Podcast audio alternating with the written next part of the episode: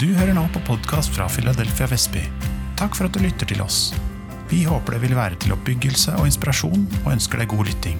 Finn flere taler ved å søke Philadelphia Vestby i din podkast-app. Um, jo, jeg syns dette var uh, som, som Trond sa, dette er veldig rart å, ikke, se, å ikke se hverandre på såpass lang tid. Uh, jeg, når jeg begynte å telle åtte uker i karantene før vi hadde første gudstjeneste, det høres litt surrealistisk Er det går? Er det mulig? Åtte uker? Det er jo to måneder.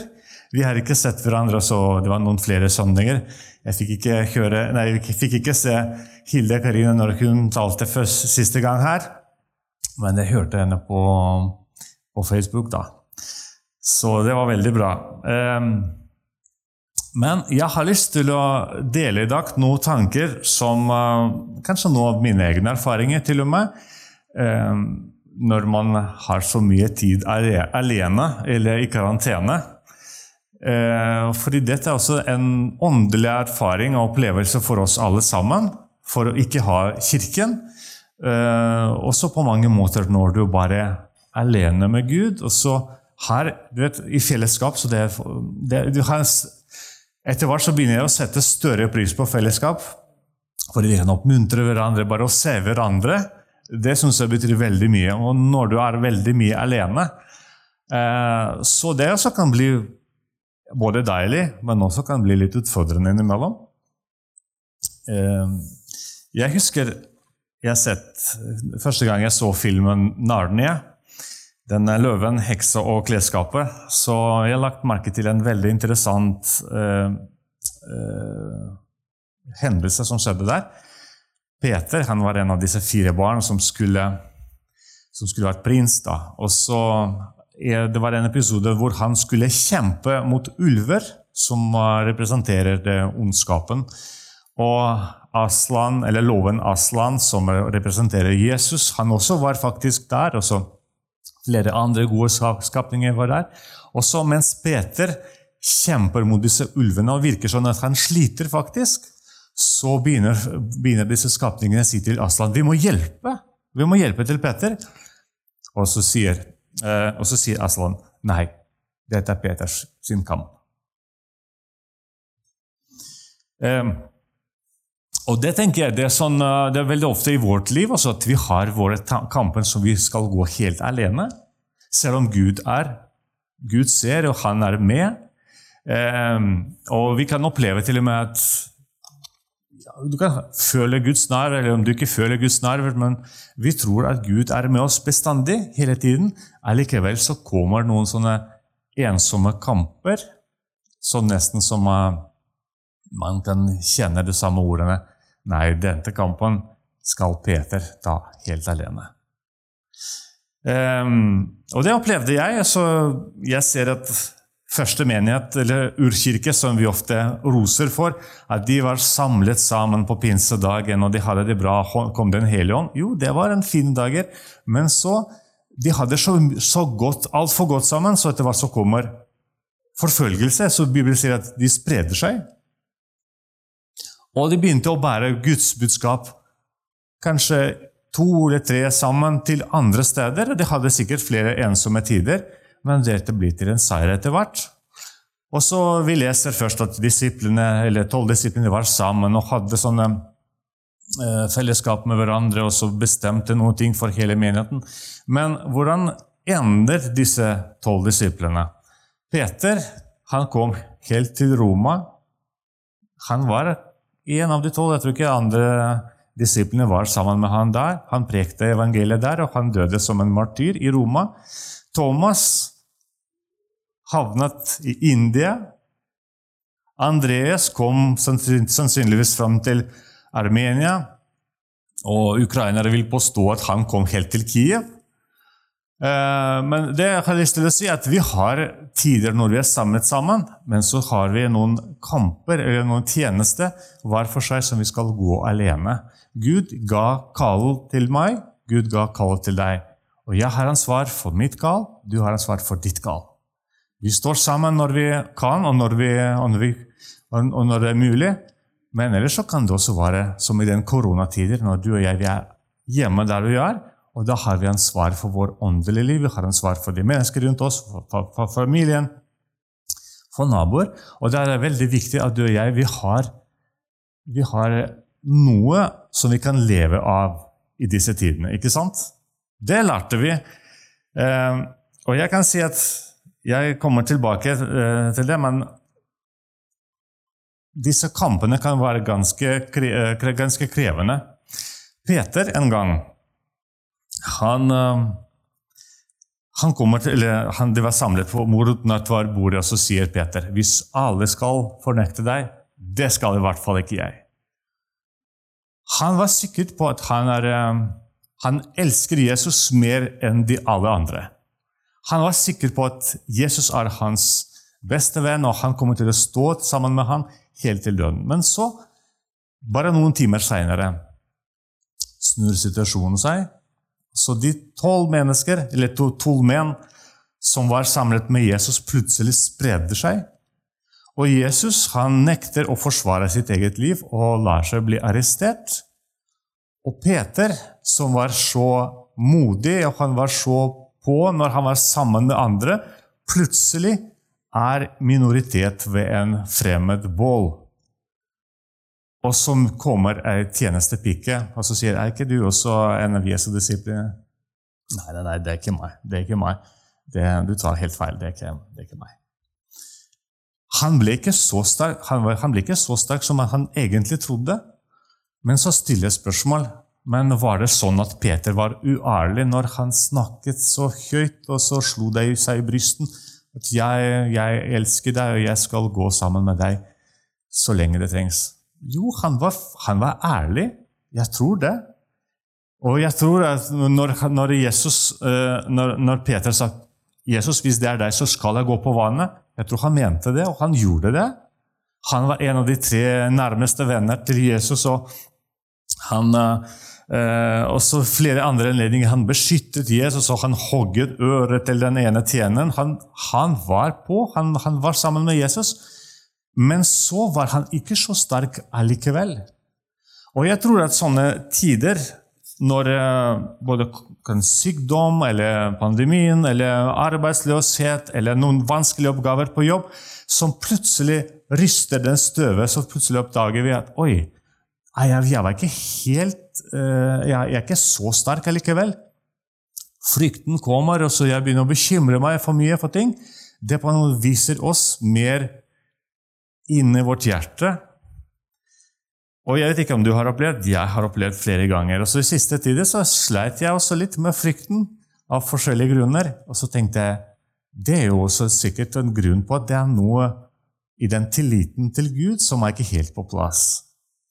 Så, så, sånne situasjoner kan vi oppleve at når, eh, når vi opplever at vi, vi er ikke sterke nok.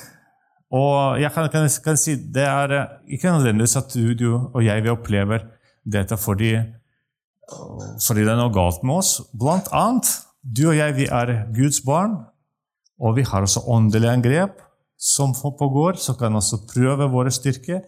Og Jesus sa ble jeg forfulgt, blir dere også forfulgt også. Og Det er ikke nødvendigvis at mennesker skal forfølge deg. Det kan være også at djevelen rett og slett angriper, angriper din tro, angriper hvem du er i Kristus. Og spesielt når man er alene. Der kan man oppleve veldig mye av sånne ting. Um, men så Det som er spesielt, at uansett om vi opplever seier eller tap, så er vi vinnere hvis vi er sammen med Jesus. Dette er en veldig rar påstand fra min side, fordi øh, vanlig så føler vi at hvis jeg vinner, da er jeg vinner. Og det er utrolig deilig å vinne. Det er deilig når du på en måte kanskje møter en fristelse eller møter en situasjon, og du på en måte klarte det, så da på en måte føler du at ryggen er litt strammere, eller sånn litt rettere. Ja, det klarte jeg. Ja, halleluja, Jesus sammen med deg, så klarte jeg det. Men øh, jeg faktisk så lurer på om Gud er virkelig opptatt av at vi skal ha seier hele tiden. For det virker sånn at han kan oppnå veldig mange mål for vårt liv når vi opplever det vanskelig, og til og med når vi taper innimellom, som f.eks. med Peter. Var det ikke best for at Peter skulle aldri nekte Jesus? Jo, kanskje det, men jeg tenker også gjennom den nederlag Det var ikke Gud som, som presset Peter så lang, så, såpass langt, men jeg tror at Gud tillot dette skje, så at Peter skulle skulle se bedre hvem han er. At han skulle ha et ydmyk holdning som skulle vært viktig for han når han skulle lede menigheten videre. For eksempel. det, er, det, er, det er bare én av tankene. Men jeg ser at flere av de heltene i Bibelen som vi leser om, de har opplevd eh, tap eller nederlag på et eller annet tidspunkt i sitt liv.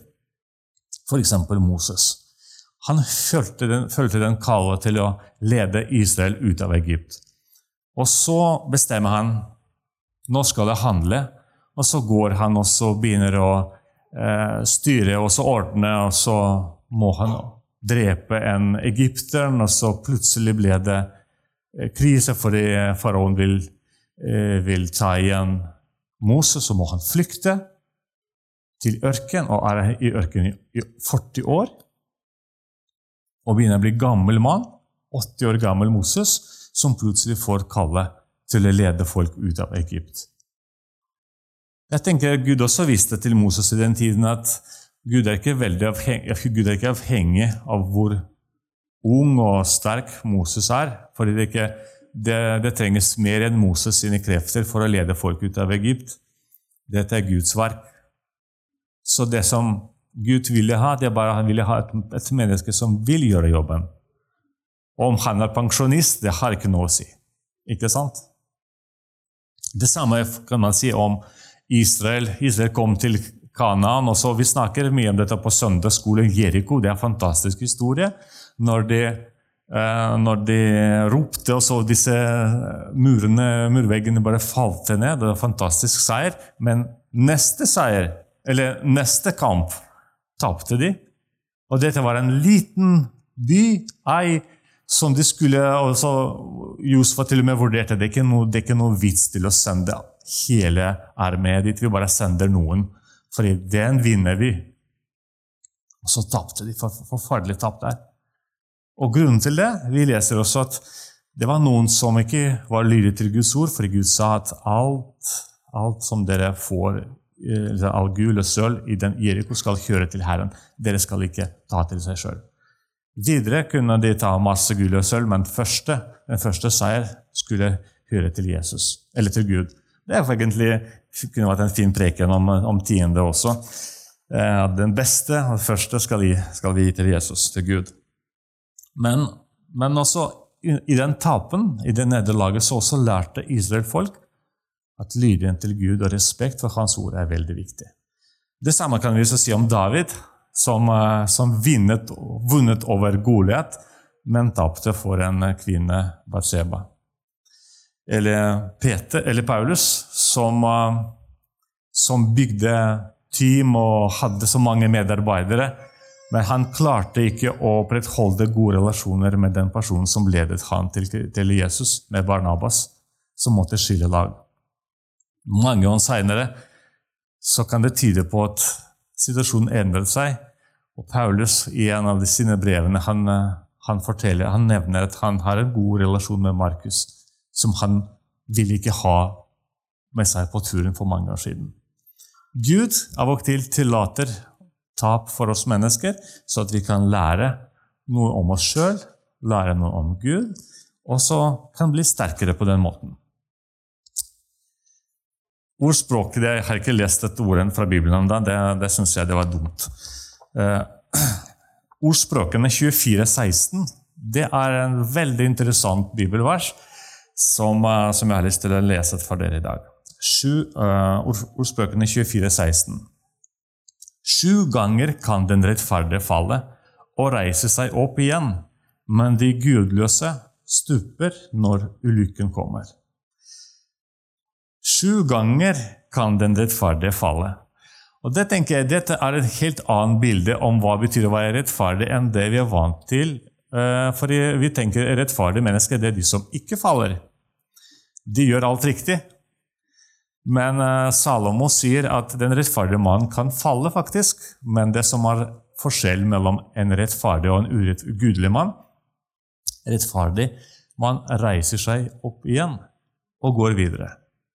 Og det tror jeg kanskje du og jeg vi har opplevd alle sammen. Vi, vi feiler, og og vi blir skuffet over oss sjøl, men så kommer vi til Jesus, ber om tilgivelse, ber ham om hjelp, og så føler vi at hvordan han reiser oss opp igjen, gjenoppretter oss, og så sier ok, bare gå videre. Jeg er sammen med deg. Ikke sant? Eh, og dette er sju ganger. Det er veldig spesielt, for i, i Bibelen ordet sju eh, betyr fullkommenhet. Det vil si at um, Egentlig kunne jeg si at eh, den rettferdige, den rettferdige mannen han faller bestandig fullkommen, han er fullkommen for å falle. Han er eh, proff, proff på det. Men han reiser seg opp, og han går. Og dette tenker jeg, det Her ligger en forskjell mellom Peter og Judas, f.eks. Begge to de nektet Jesus, men Judas han gikk bort fra Jesus, mens Peter han falt mens han fremdeles fulgte etter Jesus. Og Gud reiser han opp igjen. Hvis du og jeg fremdeles holder fast ved Jesus, uansett om du står eller faller.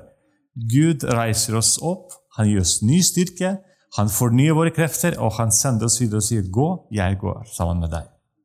Så det viktigste i, i, den, i den, situasjonen, eh, i den kampen, når, er, når vi er alene eller når vi er i fellesskap, det viktigste er ikke bare at vi har hverandre, men at vi har Jesus. At vi står fast sammen med ham. Amen. Romerbrev, vi vet at alle ting Romerbrev 8,28. Vi vet at alle ting tjener til det gode for dem som elsker Gud. Dem har han kalt etter sin vilje. Alt tjener til det gode for dem som elsker Gud. Så hvis du er glad i Jesus, og, hvis du, og jeg, hvis vi følger sammen med Jesus, så uansett hvilken situasjon vi opplever i livet, han kan snu det til, noe, til seier til slutt. Amen. Eh, på torsdag så hadde Det var en veldig fin feiring. Eh, Kristi himmelfartsdag. Jeg syns dette var likevel veldig deilig å sette ut flagget og så flagget for den dagen. Fikk en veldig fin samtale med min nabo Trond, som er eh, agnostiker. Men som er spesielt med den, med den dagen Du vet, Jesus sa til disiplene sine nå skal jeg, nå skal jeg dra. Og så spør de han, men eh, skal ikke du gjenreise riket til Israel?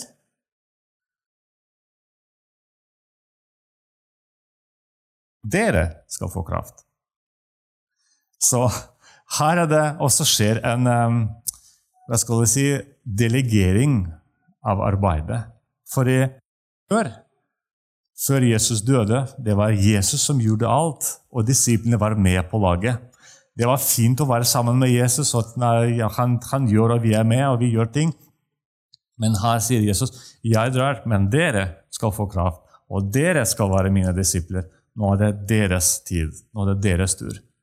Og så tenker jeg Det også kan, være, kan kunne oppleves at 'oi, hva gjør vi nå?' Nå er, nå er jeg her helt alene. Ok, ikke helt alene, men i hvert fall Jesus for opp til himmelen, og han gjorde det fysisk. Jeg tror ikke Det var av mange grunner han gjorde det. Han kunne jo bare forsvinne og si ok, nå går jeg, og så bare forsvant. Men han valgte å bare løfte, liksom, reise liksom, veldig pent opp til himmelen av flere grunner. For det første kanskje for å vise hvor han skal. For det andre for å vise at 'nå drar jeg'. Og for det tredje 'nå skal dere gjøre det som, eh, det som vi har avtalt'. Den, eh, og Jesus sier, 'Jeg har all makt i himmelen og på jorden. Gå derfor og gjør alle folkeslag til disipler. Døp dem i Faderens, Sønn og Den hellige ånds navn, og lær dem å holde alt det jeg har befalt dere. Og se, jeg er med dere alle dager inntil verdens ende. Han sa disse ordene, og så bare, så bare gikk. Så da sitter du og jeg med et ansvar hva gjør vi nå? Det var så godt å være sammen med Jesus, men nå må vi klare oss på egen hånd, på en måte. Jeg kommer tilbake til det på den, på den måten. Jesus sier at vi skal få, vi skal be for syke. Eller dere. Han mente dere, disiplene. Dere skal be for syke. Dere skal lede til frelse både Nikodemoser og disse kvinner fra Samaria som ingen andre har lyst til å snakke med. Nå er det deres ansvar. Jeg har gjort mitt. Jeg går til himmelen, og jeg skal gå i forbønn for dere. Jeg skal heie på dere. Men nå er det deres tur. Eh, og så, når jeg tenker på det, på det ansvaret som jeg har fått, og du har fått, så tenkte jeg oi, har jeg nok har, har jeg nok med ressurser, eller har jeg det jeg trenger for å gjøre det kallet, eller for å gjøre det oppdraget som Jesus ga meg?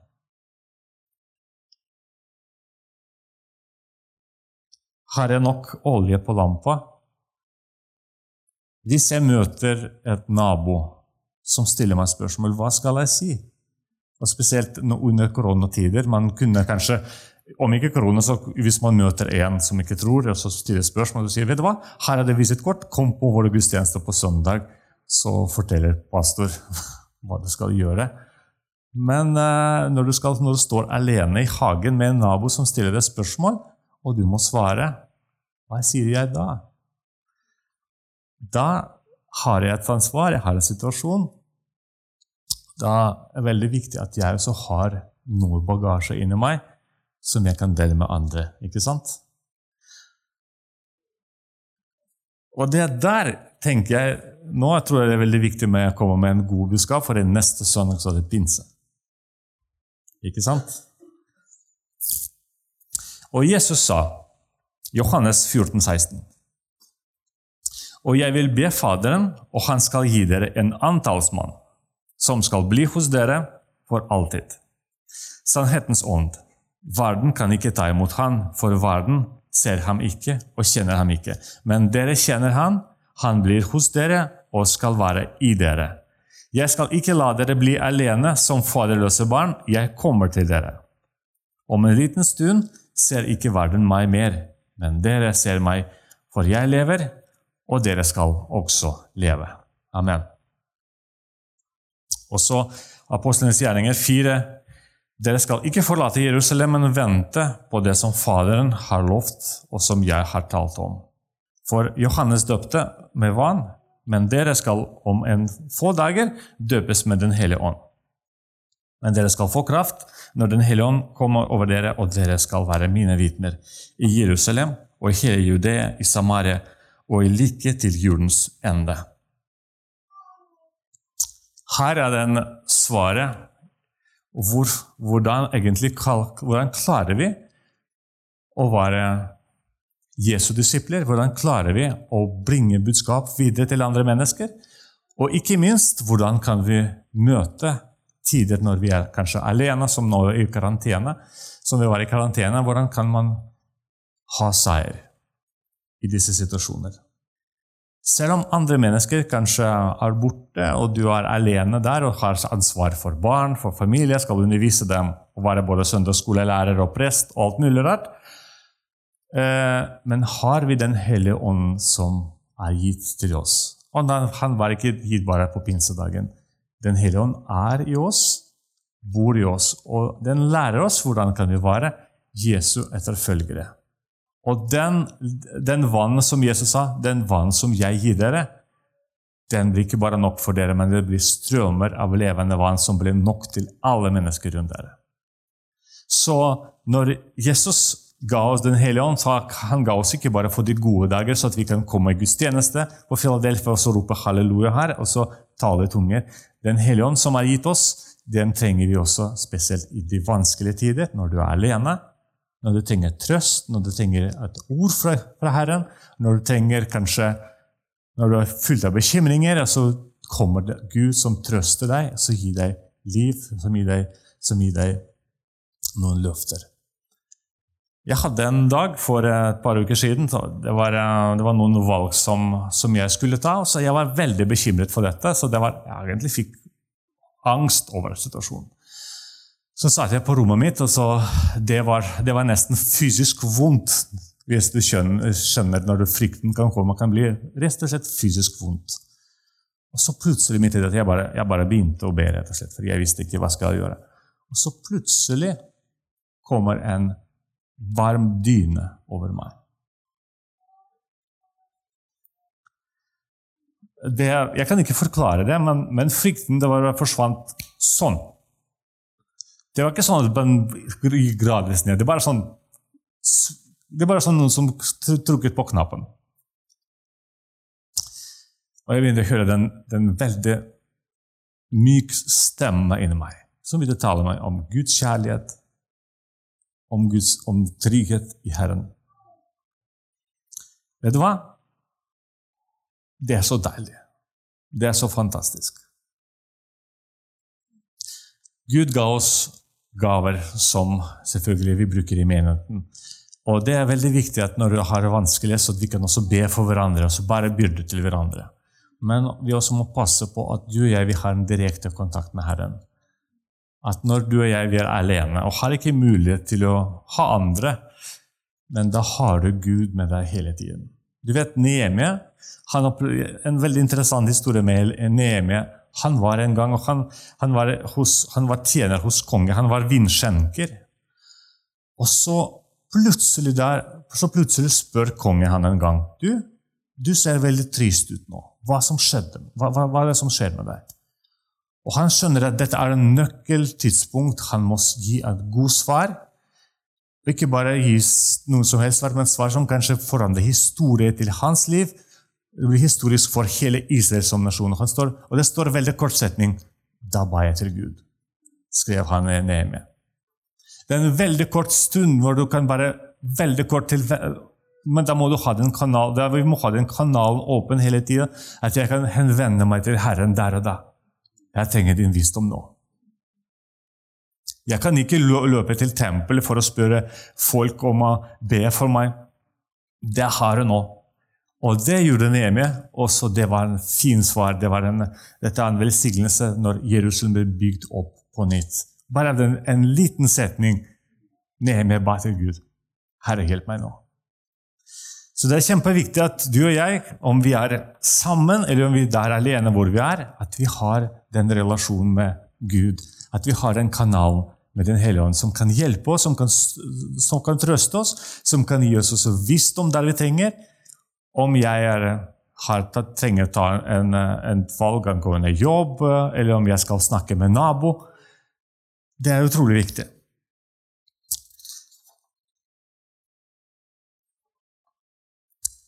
Johannes 16, 13. Men når Han kommer, sannhetens ånd, skal Han veilede dere til den fulle sannheten. For Han skal ikke tale ut fra seg selv, men si det Han hører, og kunngjøre dere det som skal komme. Han skal for, forherlige meg, og han skal ta av det som er mitt, og forkynne det for dere. Tenk på hvilken rådgiver vi har hos oss hele tiden. Selskapene bruker massevis, tusenvis av kroner for å få en god rådgiver til deres selskapene. Du og jeg vi har den beste rådgiver helt gratis. Amen. Som er hos oss, og ikke bare forteller hva du skal gjøre, men kan, han også kan fortelle hva som skal komme.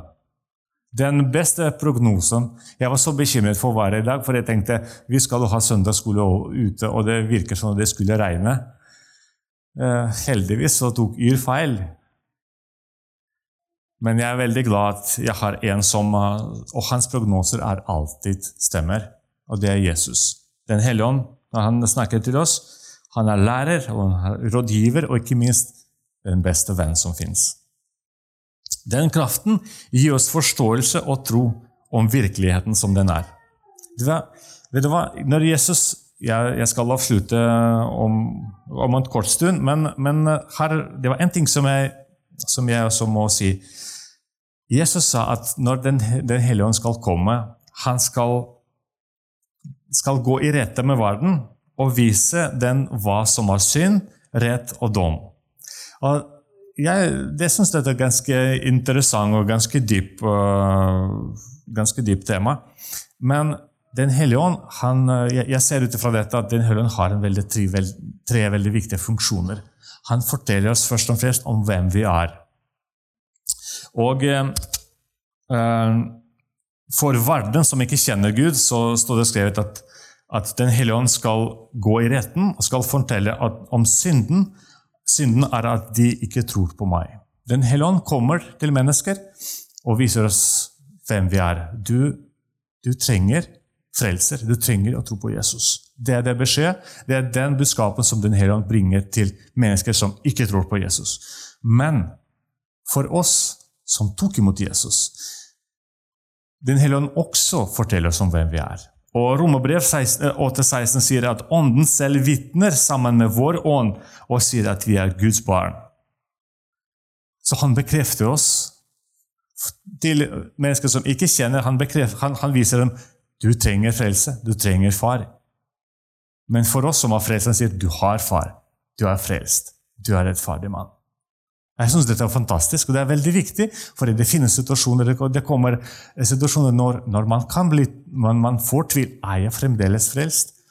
Nå skuffet jeg Jesus så mange ganger. Nå, jeg skulle jo vært mye bedre der og der og der. Kanskje jeg ikke er frelst likevel. Men så kommer Den hellige ånd og så bekrefter du er min sønn, min elskede. Amen. Også den andre tingen, Den hellige ånd, han forteller oss hvem Jesus er. For verden som ikke tror på Jesus, så viser både Jesu oppstandelse og hans uh, himmelfart at han var faktisk det han sa, at han er Guds sønn, som, uh, som sto opp fra de døde, og som for til himmelen. Som jeg sa til min nabo, men kan du forklare meg dette? Jesus sto opp fra de døde, graven er tom. Kan du forklare meg hvem han egentlig er da? Det var et vanskelig spørsmål. Og det syns jeg det er et vanskelig spørsmål for hvem som helst, fordi du kan ikke forklare det på en annen måte enn bare at han er Guds sønn. Den hellige ånd viser til verden hvem Jesus er, men også den viser for oss hvem vi er i Kristus. Viser oss hvem vi er, viser oss at Jesus lever i dag. Og vet du hva? Et veldig viktig begrep som, som uh, snakker, det taler oss om, at vi er Jesu vitner. Vi er vitner av Jesu oppstandelse. Hva betyr det? At jeg kan også oppleve i dag at Jesus lever. Jeg håper dere forstår hva jeg mener. Den, det er en uttrykk som jeg bruker innimellom. Jeg vet at Jesus lever. Jeg snakka med han i dag tidlig. Når du har en opplevelse med Jesus at du, ja, jeg vet at dette jeg har opplevd i dag, det kan, det kan ikke være teori. Det må være, det må være en mann fra Nazaret. Det må være en som snakker med meg. Det må være en som hørte min bønn. Det må være en som svarte på min bønn. Og dette er mitt vitnesbyrd. Jeg vet at han lever, ikke fordi Bibelen sier, men fordi det skjer ting i mitt liv, og jeg kan observere det. Jeg kan observere at noen trøster meg, jeg kan observere at noen gir meg visdom, jeg kan observere at jeg ba, så fikk jeg helbredelse. Hvem kan det være da, om ikke Jesus? På den måten så kan jeg være Jesu vitne. Så vet du hva? Jeg vet at han lever, det er det, det skjedde, og jeg kan vitne det til deg. Vet du hva? Det er, det er, mulig å diskutere teorier, det er mulig å være uenig om teorier, men det er umulig å diskutere vitnesbyrd. Fordi hvis jeg opplevde noe, det er min erfaring. Du kan, enig, du, kan, du kan være enig eller uenig, men jeg har opplevd det. Det er faktum. Så Jesus også inviterer deg og meg å være hans vitner. Og det trenger ikke det, det, det trengs ikke at vi skal be om å oppleve noe spesielt. Det ofte handler om å ha bare våre øyne åpne og se hva han gjør i vårt liv. Fordi han arbeider med oss, og han gir oss svar. Og spesielt når vi ber og søker ham. Den som er tørst, den som banker på, skal bli åpent. Den som, den som ber, den får. Amen. Så når vi spør ham, så får vi svar, og da har vi noe å vitne om. Amen. Eh, også siste ting, den kraften gir oss også forståelse om virkeligheten. Om virkeligheten rundt oss, fordi Den hellige ånd skal komme og fortelle om dommen. Og dommen er at verdens fyrste er allerede dømt. Det syns jeg innimellom er vanskelig å akseptere når man ser så mye ondskap, men når man ser sykdom rundt oss. Så av og til så man, man opplever at vet du hva, jeg ser ikke at Jesus er konge. Det virker sånn at her er det alle andre regjerer, hvem som helst, men ikke han. Men det er akkurat som Jesus ba i Fader vår. Han sier, 'Led oss ikke i fristelse, men frels oss fra det onde.' For riket er ditt, og makten og æren i evighet. Amen. Det er han som har all makt. Det er han som bestemmer ting. Så Det er veldig viktig at vi også vi blir overbevist i det. Når vi ber, ber, når vi ber til Han, så ber vi ikke som slaver, og vi ber ikke til en mann, til en Gud som kan ikke forandre situasjonen. Vi ber til en som har all makt på himmelen og på jorden. Amen. Uh, vi trenger ikke være slaver av frykten eller bekymringer eller synden eller omstendighetene, fordi vi har en Gud som er på vår side. Og uansett om, du, om vi er sammen i fellesskap, som nå, fantastisk, eller om vi går alene Vi har den beste rådgiver som er med oss hele tiden. Han hjelper oss, og han kan gi oss svar. Det som jeg opplevde, det har jeg lyst til å nevne helt til slutt, det er sånn rent praktisk. I vanskelige tider, når man ikke vet engang hvordan man skal snakke om ting, eller hvordan man skal be om ting. Igjen og igjen opplever jeg at å ha den mulighet til å be til Gud i ånden, dette er den tingen. Når du kan bare tillater Den hellige ånd ber for deg, og du kan bare hvile, rett og slett. Slapp av, og du vet at saken er i trygge hender, fordi det er én som går i forbønn for deg. Eh, det kan hende for noen oppleves veldig rart å be i tunger når du ikke kan ikke forstå ordene. Ja, det kan jeg også forstå. Det kan jeg skjønne. Men det er en så utrolig kraft i det. Og den, er, og den er gitt ikke bare til pastor eller til ledelsen. Bibelen sier at den kraften er gitt til alle. Fordi det er ikke bare meg eller eldsteråd som trenger å ta noen vanskelige beslutninger eller kan oppleve frykt eller bekymringer eller noe som helst. Det opplever vi alle sammen. Og hvis alle sammen av oss vi kan oppleve sånne situasjoner, da tror jeg det, det, kan, det må være sant at Den hellige ånd er gitt til oss alle. Så det er bare at du og jeg vi skal bestemme for å søke det, søke Gud, be ham om at han skal døpe hvis man ikke er døpt, eller, eller bare, bare, bruke den gaven som allerede man har fått. Hvis vi gjør dette, så vi kommer til å oppleve også at akkurat samme som Jesus sa. Dere skal forlate meg, alle, men jeg er ikke alene, for Faderen er med meg. Den tryggheten at uansett hvordan situasjonen går, uansett om jeg er i forsamlingen eller jeg sitter i karantene, jeg er ikke alene fordi Gud er med meg. Jeg kan møte Jesus i sofa eller på veranda, hvor som helst. Det er bare jeg som bestemmer om jeg har lyst til å snakke med han eller ikke. Ok, Dette blir en konklusjon, da. Av og til kan vi stå sammen om tjeneste, men av og til må vi gå våre turer alene. Men Josfa sa en gang noe veldig viktig. Jeg avslutter med det. Han sa Josfa 24, 15, Men har dere imot å tjene Herren, så velg i dag hvem dere vil tjene.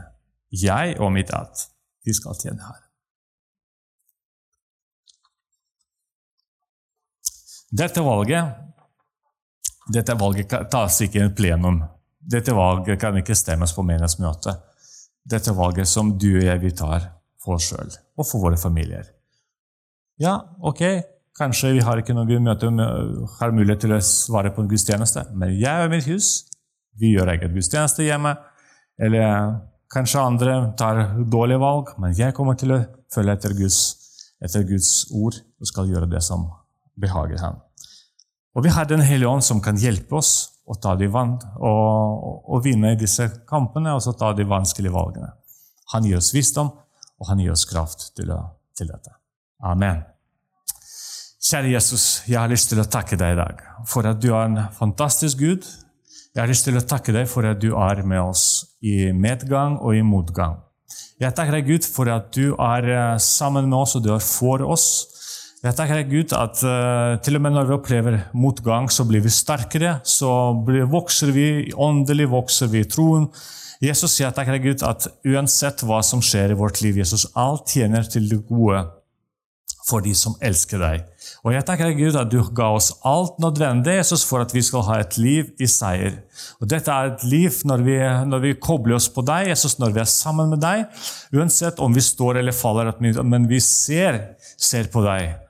Uansett om vi går i riktig retning, eller kanskje vi til og med hvis vi bare ligger på bakken, men det er viktig at vi skal se i riktig retning. At vi ser mot deg, fordi du er vår håp, du er vår styrke, du er vår hjelp, Jesus. Jeg ber deg du skal velsigne oss, og at du skal hjelpe oss, Gud, i vanskelige tider, Jesus, uansett hva som skjer, at vi skal holde oss fast ved deg, Gud. Samtidig så har vi Den hellige ånd, som du ga i sin tid, og som du ga i våre hjerter, som kan lede oss, som kan reise oss opp, som kan gjennomprette oss, Gud, som kan gi oss håp, som kan, gi oss, kan gi oss fremgang i alt, og der hvor vi trenger visdom også. Du kommer med din svar. Jeg ber Gud at du skal velsigne oss alle sammen, at vi skal huske på dette, at også disse koronatidene skal lære oss Gud, at vi kan ikke bare hvile på at noen andre har svarene, men at vi også lærer oss Gud, at vi skal også samle eh, i gode tider den ord eller løfter samle Gud, den erfaring Jesus som kan også være til nytte for oss. Hvis plutselig noen onde tider kommer igjen. Vi ber Gud om din velsignelse. Jeg ber Gud at du skal velsigne hele menigheten, alle som er her, og de som hadde, hadde ikke mulighet til å komme hit. Velsigne oss i Jesu navn. Amen. Amen. Er du nysgjerrig på Jesus og lurer på å bli med i en menighet, men vet ikke hvor du skal begynne? Da er du hjertelig velkommen hos oss i et varmt og inkluderende fellesskap. Se filadelfiavestby.no.